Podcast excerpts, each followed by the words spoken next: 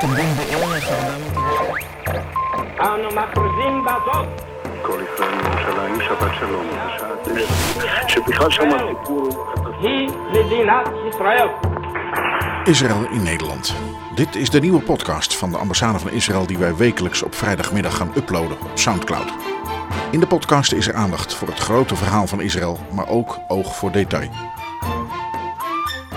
Gesprekken met diplomaten en met gewone burgers. Joodse feesten en innovatie en toerisme. Iedere vrijdag dus Israël in Nederland. Dag, heel hartelijk welkom bij Israël in Nederland, de podcast van de Israëlische ambassade in Den Haag. Mijn naam is André Diepenbroek en ik ben uw gastheer. Een podcast van een ambassade, dat geeft ons de mogelijkheid gebruik te maken van twee talen, Engels en Nederlands.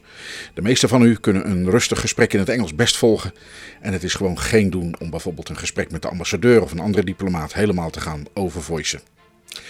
Dit is Israël in Nederland van vrijdag 26 juni, waarin we een reis gaan maken naar Ede. En dat in het kielzog van ambassadeur Naor Gilon. Die reis begon met een datum in onze agenda's. Er zou een Yad Vashem onderscheiding worden uitgereikt op 24 juni. Omdat je van zo'n bezoek goed gebruik wilt maken, nam ik contact op met ChristenUnie-wethouder en local burgemeester Leon Meijer met de vraag of we samen een mooi en nuttig programma erbij konden bedenken. En zo geschiedde. De reis naar Ede bevatte prachtige elementen. 75 jaar bevrijding, de luchtlandingen in 1944, innovatie, de wereldvoedselproductie, voormalige kazernes en een familie die van hun huis een verzets- en onderduikcentrum maakte tijdens de Duitse bezetting in de Tweede Wereldoorlog. Gaat u mee? Corona heeft de laatste maanden de eerste plek veroverd in de aandacht van ons allemaal. Maar als we even goed terugdenken, herinneren wij ons de boerenprotesten nog wel. Die gaan over de vraag hoe we op een goede en duurzame en ook milieuvriendelijke manier ons voedsel en dat van veel andere mensen op de wereld zullen moeten gaan produceren. Even een getal: in 2050 wonen er zo'n 10 miljard mensen op deze aarde. Hoe moeten al die monden gevoed worden? Daarover wordt in Ede nagedacht. Sinds een aantal jaar is de stad niet langer een garnizoensplaats meer van het Nederlandse leger en de gemeente bleef zitten met lege kazernes en een grote lap grond. Omdat de streek rond Ede van oudsher een landbouwgebied is en er op dat terrein veel kennis is, besloot men het World Food Center in de lege gebouwen te vestigen. Een plaats voor onderzoek, ontwikkeling en onderneming op het gebied van hoogwaardige en duurzame landbouw. En omdat Israël in die sector ook hoge ogen gooit, bracht ambassadeur Kilon een bezoek aan dit centrum. Nou, daarover zometeen meer, maar eerst duiken we de geschiedenis in, want de reis naar Ede begon op een heideveld, vlakbij de stad. Het decor van operatie Market Garden uit de Tweede Wereldoorlog. Winderig en een grote vlakte, daar kijk ik over uit. Eh, dit is de Ginkelse Heide in de buurt van Ede. Even aan de kant, gaat een auto weg. En daar staat een heel groot roestbruin. Ja, het zijn eigenlijk reusachtige deuren, maar dan van gaaswerk. Allemaal, dat zijn de draden van de parachutisten die hier neerkwamen in, eh, tijdens de operatie Market Garden in 1944. De, de grote ja, halve bollen van de, van de parachutes die eh, zijn ook zichtbaar, zijn erin uitgebeeld. En heel groot hangt er vooraan zo'n paratrooper aan die draden. Alsof die voor je neus neerdaalt. En het interessante is, het is het gaaswerk, dus daarachter zie je de bomen. Het is net, als je er vlakbij staat, is het net of je, of je het ziet gebeuren. Helemaal van metaal, het is roestbruin en... Ja, hoe hoog zal het zijn? Drie meter? Het is reusachtig.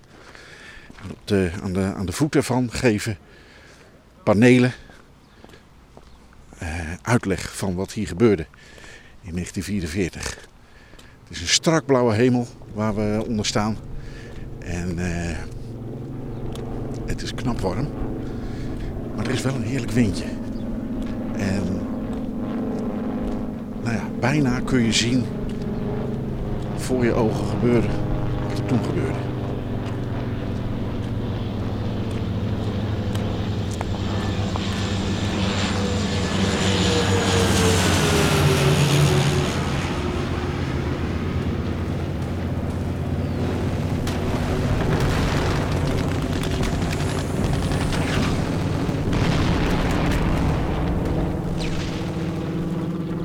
kijken uit over een, eh, een grote vlakte hier. En ik sta naast een man die er gewichtig uitziet. Hij heeft een, eh, ik weet eigenlijk niet of het zilver is, maar hij heeft in ieder geval een ambtsketen om. Meneer Meijer, u bent lokale burgemeester van Ede. Goedemorgen. Waar kijken we over uit? Dit is de Ginkelse Heide. Uh, we staan op een plek, een heel mooi natuurgebied, gemeente Ede. Uh, maar we kijken eigenlijk ook naar een stuk geschiedenis. Hier was de Airborne Market Garden. Hier kwamen in september 1944 zo'n 2000 parachutisten binnen 14 minuten naar beneden. Binnen 14 minuten, dat is, dat is ongelooflijk. Ja, dat is echt ongelooflijk. Een soort armada geweest aan vliegtuigen, aan de koters wat hier overkwam. en binnen 14 minuten stonden hier 2000 militairen op de grond. Op deze plek wordt dat ja, jaarlijks herdacht. Ehm, ziet u het voor u? Ja, ik zie het voor me omdat het eigenlijk jaarlijks gedacht wordt. Af, vorig jaar was het 25 jaar geleden. Uh, en toen hebben ze het voor elkaar gekregen om met 1500 parachutisten hier uh, te springen. Dus dan krijg je wel een beeld wat, wat er gebeurt. Met nieuwe toestellen natuurlijk, er kunnen meer in. Maar dat, dat geeft wel een beeld wat hier heeft plaatsgevonden. Is dat belangrijk om dat te herdenken en dat ook op die manier te herdenken? Ja, heel belangrijk, omdat vrijheid een soort gegeven is voor ons allemaal. Nou, daar zijn we met corona wat, wat achtergekomen dat, ja, dat vrijheid ook beperkt kan worden. Uh, maar om te beseffen dat je leeft in vrijheid en dat het niet zomaar gegeven is dat er mensen echt voor uh, offers hebben gebracht, is het heel goed om, uh, om te herdenken. En juist ook voor schoolgaande jeugd. Het zichtbaar, het zien en gewoon in gesprek gaan met militairen die net gesprongen zijn, dat maakt het wel, daar komt het heel dichtbij. We staan eigenlijk tussen twee monumenten in. Een oude, dat is een, uh, ja, een betonnen gedenknaald met wat plakettes in brons erop. En een ander ding wat kolossaal is, roestbruin. Vol, ja, het is een gaaswerk eigenlijk van allemaal die draden van de parachutes. welke vindt u de mooiste? Ja, het heeft natuurlijk te maken met de tijd waarin iets gebouwd is. Dit, het oudere monument begin jaren 60. De heel eenvoudig eigenlijk. Heel eenvoudig, er was niet veel geld. Het mooie is, er staat een adelaar op met een bijbeltekst eronder uh, op een plaquette over uh, dat ze opvaren op de vleugels van adelaars. Nou, dat treft mij ook wel. Het andere is echt vorig jaar geplaatst, een prijsvraag in de gemeente Ede. Inwoners mochten kiezen uit verschillende modellen. en als je daar doorheen kijkt, door dat roestige ijzer, dan zie je parachute, parachutes naar beneden komen. En dat geeft wel een beeld, jongen, wat is hier gebeurd? We zijn hier speciaal naartoe gekomen omdat de ambassadeur van Israël een bezoek brengt aan de gemeente Ede. Waarom wilde u hem dit laten zien? Ik denk dat het heel mooi is om met elkaar even stil te staan bij, bij vrijheid. Ik bedoel, Israël is ook een, een land wat vecht uh, voor vrijheid. Uh, en ik hoorde dat, uh, dat de ambassadeur paratroepen was geweest. Ik, nou ja, dan moet hij toch wel een gevoel hebben met uh, zijn mede-lotgenoten die uit vliegtuigen springen, wat dat betekent. Dus dat was de reden dat we zeggen, laten we dan hier starten met een stukje geschiedenis van Ede. Yeah. That that was one of the problems here 75 years ago. For the, they were flying so close to each other, there were some injured. That the last jumpers came here, hanging in the trees with a parachute, Yeah. and the Germans were here to shoot them in the trees, hanging in They the were trees. specific target. Yeah. Yeah, yeah, too easy for the Germans. uh, and it is still a wonder why King's Own Scottish Borders did not take this place Yeah, it's good to to defend. it's good to Yeah, remind people well, the, pr- the price, especially the children. the price, the price of freedom. That's Yeah, what But, but also, you, you said at the start it was a failed operation. And the, the, the strange thing here is we commem- commemorate it every year. And every year it, it has become a NATO exercise, so 1,000 military will, are jumping on the same day. and it's crowded. Last year it was 100,000 people here You know what? standing and watching. You know what they say in, in Israel, that the, mo- the wars that were less successful, there were more decorated people. You know why? Because you needed to be very brave, and because the situation was desperate, and then you people needed to show extra courage. So the veterans are coming, uh, and some are coming every year. Now they're getting older, 97, 95, but they keep telling us, why do you, you we failed, we failed you, we didn't bring freedom. it doesn't matter. And, and it doesn't matter, since the answer the is, sacrifice was but done. you you know. sacrificed for our freedom. Especially in the first year, they were not happy to come here. Uh, Ja, ik ben hier in goed gezelschap. Er staat een groepje parachutisten met elkaar te praten. Het zijn twee vertegenwoordigers uit de, de gemeente Ede. Van, eh, eh, die zich bezighouden met de militaire erfgoed en de militaire historie van deze omgeving. eh, waarbij ook elk jaar ja, herdacht wordt eh, met 4 en 5 mei. De, de, ehm, de operatie die hier plaatsvond in de Tweede Wereldoorlog. Het neerlaten van de parachutisten in een operatie die als doel had om alle bruggen over de grote rivieren veilig te stellen.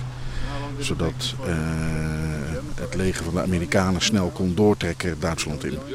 Nou, die operatie is mislukt en ondanks dat alles ja, niet goed is afgelopen hier, uiteindelijk wordt het nog steeds herdacht en eh, trekt het elk jaar als er hier eh, vele honderden eh, parachutisten een oefening houden en dus uit de vliegtuigen springen. Staan hier in ieder geval de laatste vorig jaar 100.000 toeschouwers te kijken naar die herdenking. En ook de ambassadeur is zelf parachutist geweest tijdens zijn diensttijd. En deelde iets over hoe dat, hoe dat was, hoe dat, dat gegaan is. Waar, waar ze sprongen, hoe vaak. En dat het eigenlijk niet uitmaakt in hoeverre een operatie succesvol was. Zeker ook in een oorlog die niet goed verliep. Omdat de opofferingsgezindheid, eh, het offer wat gebracht is, even goed eh, belangrijk is. En misschien wel belangrijker en gevaarlijker was om te brengen. Ambassador, in one of your pockets you have something special, right? Uh, yeah, yeah. Your, your What is order. it? I on your order I bought my uh, my paratrooper uh, wings. Is it scary to jump from a plane? Very much so. Very much so. You have today. When I was young and stupid, it was easier. If you today uh, want me to jump, you will probably have to pay me something very or something very big. Um, we are here on a special occasion. Uh, it has all to do with the war. A lot of commemorations couldn't go uh, on in the Netherlands and nowhere in Europe uh, because of Corona. Um, what does it mean for you to be here? It's you can very much connect to it, I guess, as a paratrooper yourself. Yeah, I can of course connect to it. Although, as I said here, the last time Israel had a operational jump was 1956, before much before I was born. But in general, I think that it's part of a very important storytelling of the past. People, the new generations, they live in a new world, uh, very uh, shallow in the point, the point of view of information, of history, and they take for granted what they have. They don't understand that uh, 75 years ago, people were not had to be liberated because they were uh, conquered or what, whatever not, and these are it's it, you cannot take the freedom for granted. And i think that this is a place where remi- which reminds you the price of freedom. What is for you personally the price of freedom? well eh, for me it's not uh, it's it starts probably with the holocaust i must say because uh, you know i'm a son of a holocaust survivor. This afternoon we are going to hand out a Yad Vashem uh, commemoration for uh, righteous among the nations for a non-Jew who saved Jews. So it starts with the Holocaust and the need of the Jews to protect themselves. So every Israeli goes to military; it's compulsory. Every every Jew in Israel must say, unless there are special reasons. Uh, and we don't see it as a must; we see it as a privilege because we know that we are doing it for the right reasons to protect ourselves. So for me, you know, I fought. I, I, I, was in the military for four years and then reserves, and I, I see it as a great privilege. And most Israelis you would speak to would feel the same.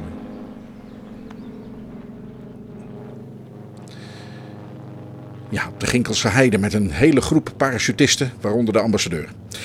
Een korte autorit brengt ons daarna bij het World Food Center, gevestigd in een monumentale, voormalige kazerne. Prachtige poort met daar een, ja, een soldaat, een man met een grote snor en een soort Romeinse helm heeft hij op. En een bord bij de ingang zegt Johan Willem Frieso kazerne. Is evenals de hier lager gelegen Maurits kazerne uit 1904, 1906. En ze zijn eh, hem in 2011 gaan restaureren. En nu krijgt het een andere functie. This is the Friso, Maurits, you know, we have the names from history. You said seven. It's This is, so those are two. those are two. And the whole area we, when you entered Ede and you, we took the, the, the roundabout and we, then we, on the left side were all barracks. Okay. Um, so there are seven. Uh, I'm living on one of them. Ah, it's you know, it's- so it's all sold and, uh, and, and, and, and reconstructed, but uh, we keep the old buildings. Uh, and what they did here is they some elements had had been had been lost in 100 years time. So they took the pictures and the, and the drawings from 1906 and they redid it. It, We staan hier in een, eh, in een hal. Eh, eigenlijk is het een gebouw in een gebouw. Ik kijk tegen, tegen planken aan van een dak en ramen met eh, nou, sp- eh, spijlen erin, van die kleine klassieke raampjes. Maar daarbinnenin staat een soort eh, hele moderne kubus met een liftschacht. Waar zijn we nu? We zijn in het akoesticum. Eh, en inderdaad, dit is een, eh, een doos in een doos, zeg maar. Eh een akoesticum is een, een centrum voor amateurmuzikanten om te oefenen. koren, orkesten, van alles. Maar we staan in het oude gebouw van de Friso-kazerne, die 100 jaar oud is. De- maakt dit onderdeel uit van een veel groter complex? Wat, wat, waar zijn we precies? eh, nou, niet er- per se in dit gebouw, maar in, in het hele terrein. Ja, dit hele terrein is 28 hectare en dat noemen we in Ede het World Food Center. Eh, de bedoeling, we zijn hier aan het bouwen. Dit waren, het leger is hier vertrokken in 2008 en we zijn nu van alles aan het doen om eh, het, het gebied te vullen. Eh, er komen hier woningen, er komen hier bedrijfspanden. eh, naast deze, dit kazernegebouw staat een identiek kazernegebouw. Daar komt het World Food Center Experience in, een soort themapark over voedsel. Eh, dus het wordt een heel eh, een soort campus-idee wat hier komt. Hoe zijn jullie op het idee te komen, gekomen om iets met voedsel te gaan doen? Ik bedoel, je kunt honderd onderwerpen bedenken. Je hebt een terrein, lege panden. Maar waarom voedsel? Ja, we hebben eigenlijk een, een, een zoektocht gedaan naar onze geschiedenis en ook van waar liggen we eigenlijk. Nou, Ede ligt naast Wageningen, Wageningen Universiteit, dus dat is een hele, hele makkelijke. Eh, maar Ede is ook nog een hele grote gemeente. In onze gemeente hebben we nog zo'n 800 boeren eh, die elke dag bezig zijn met de productie van voedsel. Eh, en als we gaan kijken, we zitten hier op de, de hogere zandruggen. Dus toen de rest, eh, het Zuid-Holland nog onder water stond, toen werd hier de vierde eeuw voor Christus al geboerd. Eh, en dat kun je nog steeds zien. Als je met een vliegtuig laag hier overheen komt, dan zul je zien de raadakkers, de Celtic fields van toen. Dus al die eeuwen zijn we hier bezig geweest met voedsel. En we hebben gezegd, eigenlijk als, ook als gemeente, weet je, dat is eigenlijk de rode draad van de, onze geschiedenis. Er gebeurt hier nog steeds heel veel onderzoek op het gebied van voedsel. We hebben die geschiedenis met voedsel, we hebben nog heel veel eh, boeren in onze omgeving, maar we hebben ook heel veel kennis. En nou ja, net over onze grens in Wageningen ligt een universiteit die alles te maken heeft met voedsel. Laten we dit gebied gaan eh, inrichten met voedsel als thema. Het kan leuk zijn, maar er is ook noodzaak. Nee, is zeker, ik bedoel, eh, als je kijkt naar de wereld en de bevolkingsgroei, eh, dat er straks 2050 10 miljard mensen verwacht worden, hoe gaan we die voeden? I'll switch to English because you brought the ambassador of the State of Israel here. Why? Well, um, we are we are working with like with startups, and we want would like to have an, an environment where startups can grow and flourish. Uh, and one thing we know about Israel, it's a startup nation uh, by itself, but also producing a lot of companies who made the, the, the idea, who started with an idea, and all of a sudden they grew and grew. Uh, that's what we would like to make an environment for Dutch, uh, that like of that uh, kind of companies. So we would like to borrow the knowledge of Israel. Ambassador, were you interested by their presentation or was it a kind of, uh, did you fall asleep?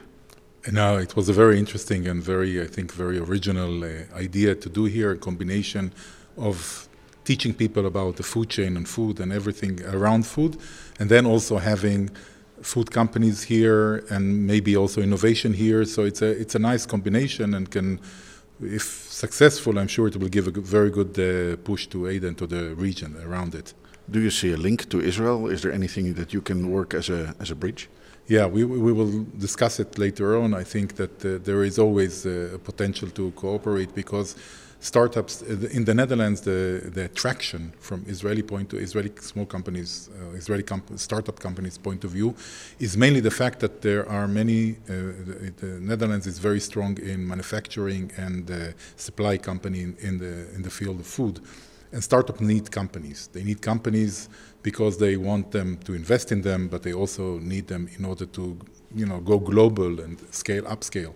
So I think that there is room for. Co- I hope we can find a way to cooperate together.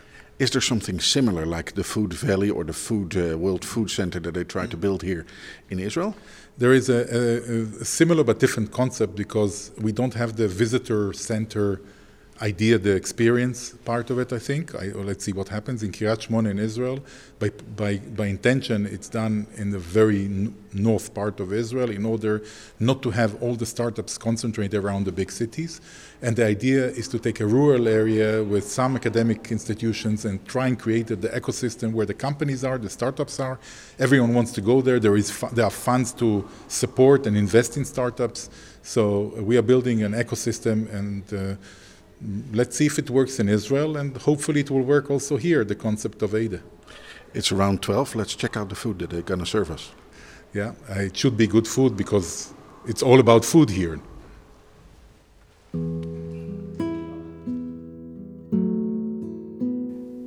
Ja, aan het begin van dit programma had de ambassadeur het al aangegeven. Vandaag is bijzonder. Een dag van verleden en herdenken enerzijds. En een dag van innovatie en toekomst anderzijds. Yad kent jaarlijks honderden mensen in Europa de onderscheiding rechtvaardige onder de volkeren toe. In Nederland viel deze eer te beurt aan meer dan 5000 mensen. Door de corona-uitbraak hebben wij na moeten denken hoe we de onderscheidingen toch kunnen uitreiken. En eigenlijk lag het antwoord voor de hand, gewoon thuis, in de huiselijke sfeer, buiten in de tuin vanwege de goede ventilatie. Die middag viel de eer te beurt aan de familie De Bond. These are very uncertain circumstances, and strange time for all of us, I guess. Nevertheless, we really wanted to make this ceremony. We cancelled quite many ceremonies that were big, and we started to do it individual. Uh,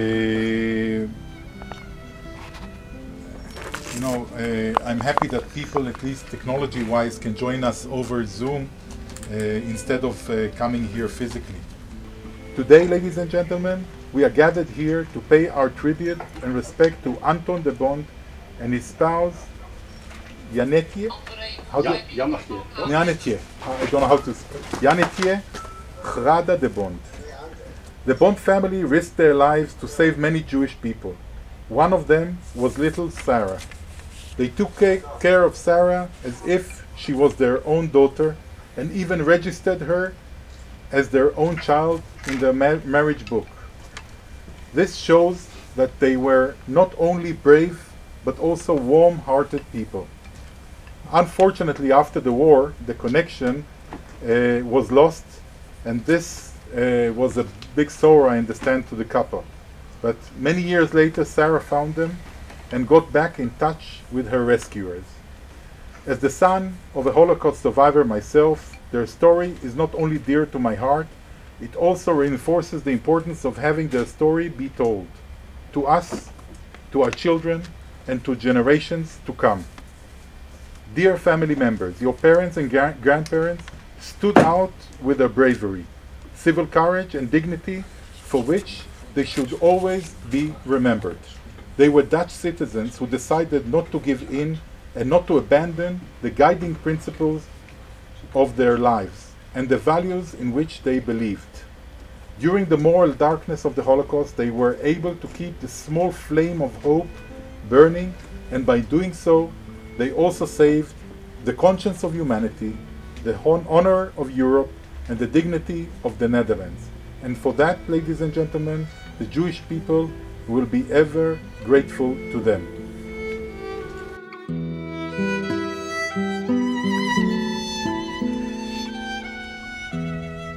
Ik zit hier tussen twee mensen in die eh, een directe relatie hebben met de mensen die vanmiddag geëerd zijn.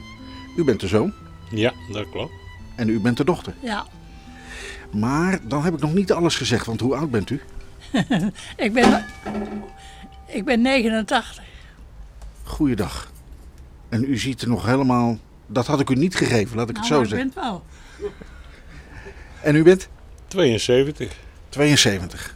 Zou je niet Dus- zeggen. Broer en zus schelen behoorlijk wat. Hoe zat dat? 16 jaar. 16 jaar ertussen. Dat kwam door de oorlog. Tenminste, eh, ja. Ja. Ja, nou, nee, mijn moeder mocht geen kinderen meer krijgen. En dat is, na de oorlog is dat veranderd, omdat ze een Joods meisje in huis had dat weer opgehaald is door de moeder. En toen kwamen ze in een leegte terecht. Dat, ja, dat ging niet. En toen moest er toch weer een, eh, een kindje bij komen. U lacht er heel gezellig bij. Ja, natuurlijk. Je mag blij zijn dat je bent. Ja, natuurlijk. Wat zei u? Ja, ik zei, hij mag blij zijn dat hij er is. Maar, Maar waar, waar, waar was u dan aan het einde van de oorlog? Eh dan was ik ook toch gewoon thuis. Hoe was het om een broertje te krijgen? Oh, heel leuk. Ik heb ze wat grootgebracht, tenminste een heel eind. Kun je dat niet zien? Nou ja, nou, Nou, het zit zegt. 16 jaar verschil in. Hoe bijzonder was deze middag voor u? Nou, vond ik heel leuk. Heel mooi. Geweldig. Want het is natuurlijk een bijzondere tijd. Normaal gesproken worden die, eh, eh, die bijeenkomsten, die, die uitreikingen worden vaak georganiseerd. Ja, en toen kwam corona. Ja. Had u het gevoel van het gaat niet meer lukken? Nou, het, het duurde allemaal zo lang. Ik denk op een gegeven moment zijn we moeten opschieten. Want ik word dus, zag je dan al zo oud. Straks maak ik het niet meer mee. Nou, nou ik heb het dan al net meegemaakt. Zo, dit was, vond ik heel leuk. Heel mooi. Nou waren natuurlijk ook mensen van de geredde familie in Israël. Die waren Ja. met ons verbonden met Zoom. Herkende u ze nog? Nou, nou de Mennegem wel, maar die heb ik bij jullie gezien. Die is een keer bij jullie geweest. Daar hebben we eens gesproken, ja. Dat zijn de enigste, maar de rest niet. Ehm, Maar mijn zoon die heeft nog wel eh, contact eigenlijk met ze ook. precies. Maar ik hou het even bij jullie. Ehm, hoe bijzonder was het voor u? Heel bijzonder. Heel bijzonder. Ja. Ja, dat was echt bijzonder. Menachem en Esther, die zijn dan bij ons geweest. Die belden een keer op of ze een keer langs mochten komen in het huis waar Sari gezeten heeft. Nou, dat was leuk. Jij bent ook nog geweest. Het meisje uit de onderduik. Ja, ja, ja. En eh, ze zijn nog boven op de slaapkamer geweest waar Sari geslapen had. En eh, ja, toen kreeg die eh Menachem de tranen in de ogen dat zijn moeder op die kamer een meisje toen opgehaald. En eh, dat was wel heel bijzonder. En vandaar, ja, is toch wel leuk. En ik vind het heel bijzonder dat mijn ouders hierdoor geëerd worden. Ik heb, t- ik heb er niks aan gedaan. En dan, ja, dan denk ik, ja, had dat misschien wat eerder gekund, eh, toen ze nog leefden, heb ik nog wel eens. Hè? Maar ja, goed, dat kan niet altijd.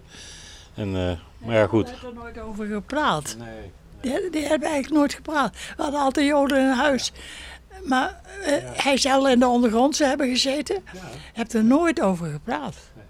Was, dat, was dit iets wat vaker gebeurde? Dat die generatie ook dat nooit zo deed? Ja, en eh, daar wa- was dokter Kander was. En Ja, die was was- zelf eigenlijk half... Nou, Ja. zijn vader was, was een Jood, Joods, geloof ik, of zijn moeder. Maar het was een gemengd huwelijk. Dus die is er onderuit gekomen. Maar die zat helemaal in de ondergrondse. Dat staat ook in het boek. Ja. Ja. Die bracht Sarah bij mijn ouders aan, eh, aan huis. Ja, dat, die- ja, hoe het gegaan is, jij kan dat beter weten. Dat hij met Ja, een meisje aan de hand Hoe zat. ze gekomen is, dat weet ik eigenlijk niet, want in één keer was ze er. Ja, ja. Dat gaat allemaal je soms een toch niet, hè? zusje. Ik vond het geweldig. Was zo mooi. Het was ook een heel lief kind. Heel lief was ze. Ja, het kind had best het een en ander meegemaakt hoor. Dus ze is onder de handen van de Duitsers weggenomen. Hoe, hoe ging Bij dat? de vorige mensen waar zij was. En die waren verraden. En eh, toen hadden de, eh, de Duitsers hadden eh Sari dan al, die hadden ze onder de arm. Want die wouden ze meenemen. En toen is er een dienstmeisje van hun, die heb op een gegeven moment, ze hebben die Duitsers een beetje aan de praat gehouden. En die heeft dat, dat het kind bij die Duitsers weggetrokken en die is gaan hollen met, de, met het kind. Ja, en die, Met, met Sari. Sarah. Geloof je toch niet? Ja, dat is zo. Ja, die, er is eh, nog een dode gevallen, er is geschoten. Want er waren twee van die jodenhalen, eh, die wilden Sari ophalen. En die mensen die daar woonden, want ik heb het verhaal van, Ja. Menach- nee, van Kees Heiting toen gekregen. En die had dat helemaal uitgeplozen. En die, dat dienstmeisje, ja, van hun. ja. Die hebben hun verraden toen. En daar hebben ze eentje ervan doodgeschoten en die andere, die hebben ze in het ziekenhuis geschoten. Die, waar dat meisje in huis zat. En die moesten toen ook onderduiken. En dat meisje, het, eh, die dienstmeisje, heeft Sarah onder de arm mee naar huis. En toen moesten ze hoognodig weg.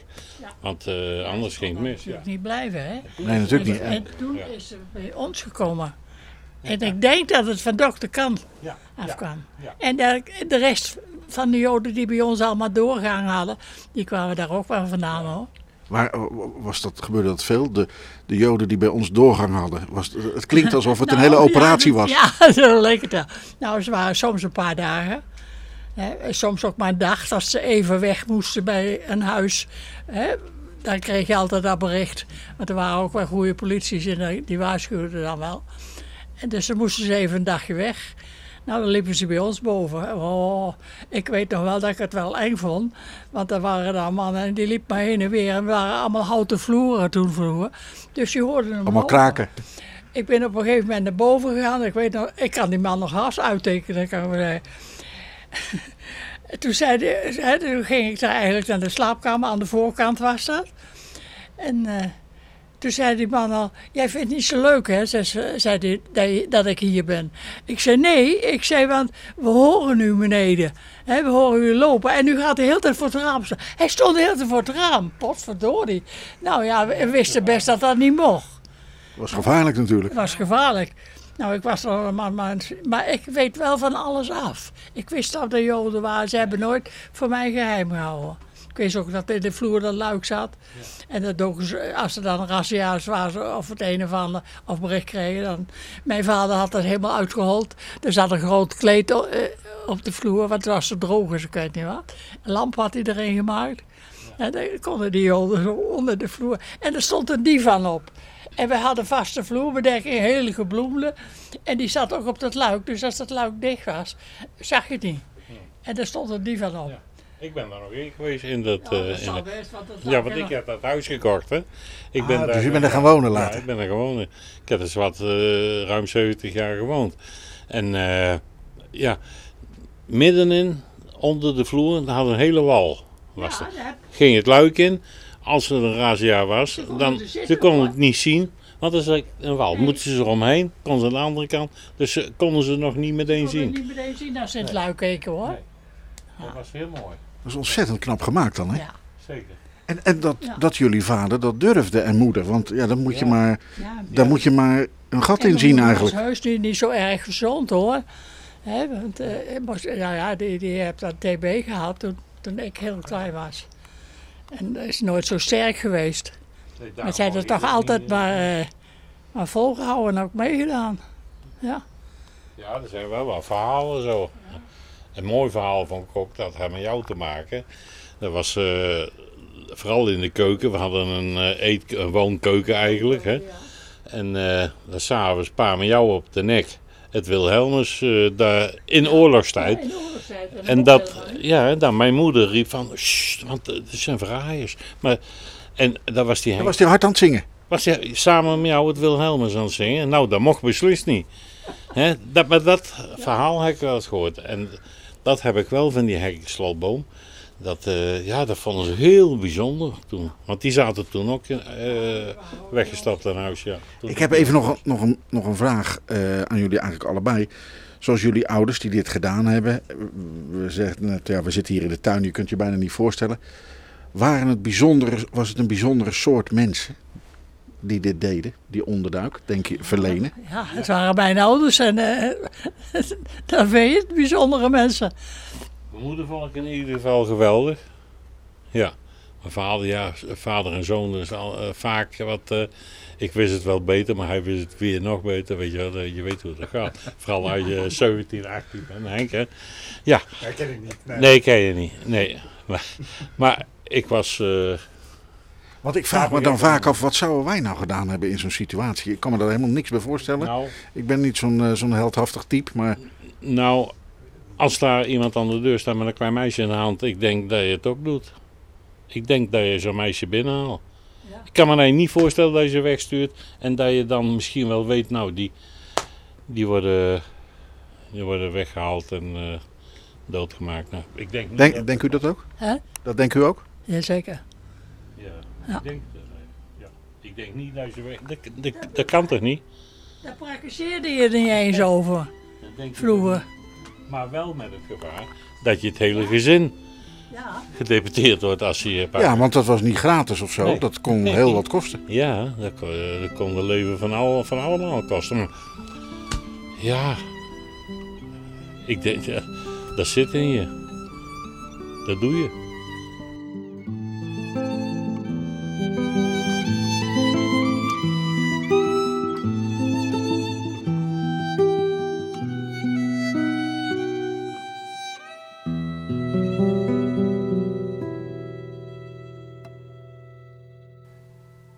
Daarmee komen wij aan het eind van Israël in Nederland van 26 juni 2020.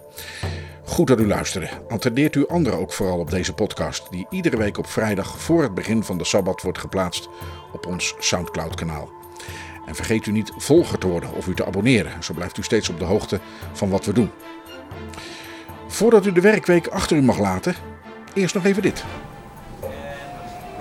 Goedendag, ik ben Ron Blauw van Ron Gassenbar in Amsterdam. Vandaag gaan we een fantastisch vegetarisch gerecht voor je maken. Hollandse bloemkool, gebakken in de bruine boter met Pierre Robert kaas en verse truffel. Heerlijk. En als de truffel dan erop zit, dan is je eigenlijk klaar. Dan heb je die schitterend gebakken bloemkool met die heerlijke truffeljus, verse truffel en Pierre Robert kaas. Nou, het leuke van dit gerecht is dat ik eh, zes jaar geleden volgens mij moest koken in Pastel in Tel Aviv voor Round Table Project met allerlei andere culinaire chefs uit de wereld. Ehm, we gingen dit gerecht maken. Ik dacht, nou dat is fantastisch. We gaan Tel Aviv kennis laten maken met de bloemkool. Eh, we hadden de hele dag gemiste plast. We gingen wat eten bij Misnon, een hele bekende zaak eh, waar ze van alles, uh, ja, een beetje streetfood verkopen. We gingen daar eten bestellen en aan de zijkant stonden echt 40 gebakken bloemkolen in rekken. En dat was een beetje de specialiteit daar. Toen dacht ik, nou, wij gaan dat laten zien hier ook. Dus iedereen vond het heerlijk en het was wel leuk om op een andere manier de bloemkool te laten zien. Dus eet smakelijk. Over twee weken starten wij een online culinaire cursus. Waarbij gerenommeerde chef-koks u voordoen hoe u heerlijke Israëlische gerechten in Nederland kunt maken. Zelf, thuis. Houdt u onze Facebookpagina in de gaten. Facebook.com slash Israël in Nederland. Overigens zijn wij met deze podcast ook te vinden op Spotify, iTunes, Overcast en Stitcher. En op deze manier hoeft niemand onze wekelijkse podcast mis te lopen. Voelt u zich vrij om dingen uit deze podcast te delen met anderen of informatie eruit te gebruiken in andere media? Graag even ons als bron vermelden. Voor wat betreft Israël in Nederland, Shabbat Shalom en een goed weekend. Graag tot volgende week.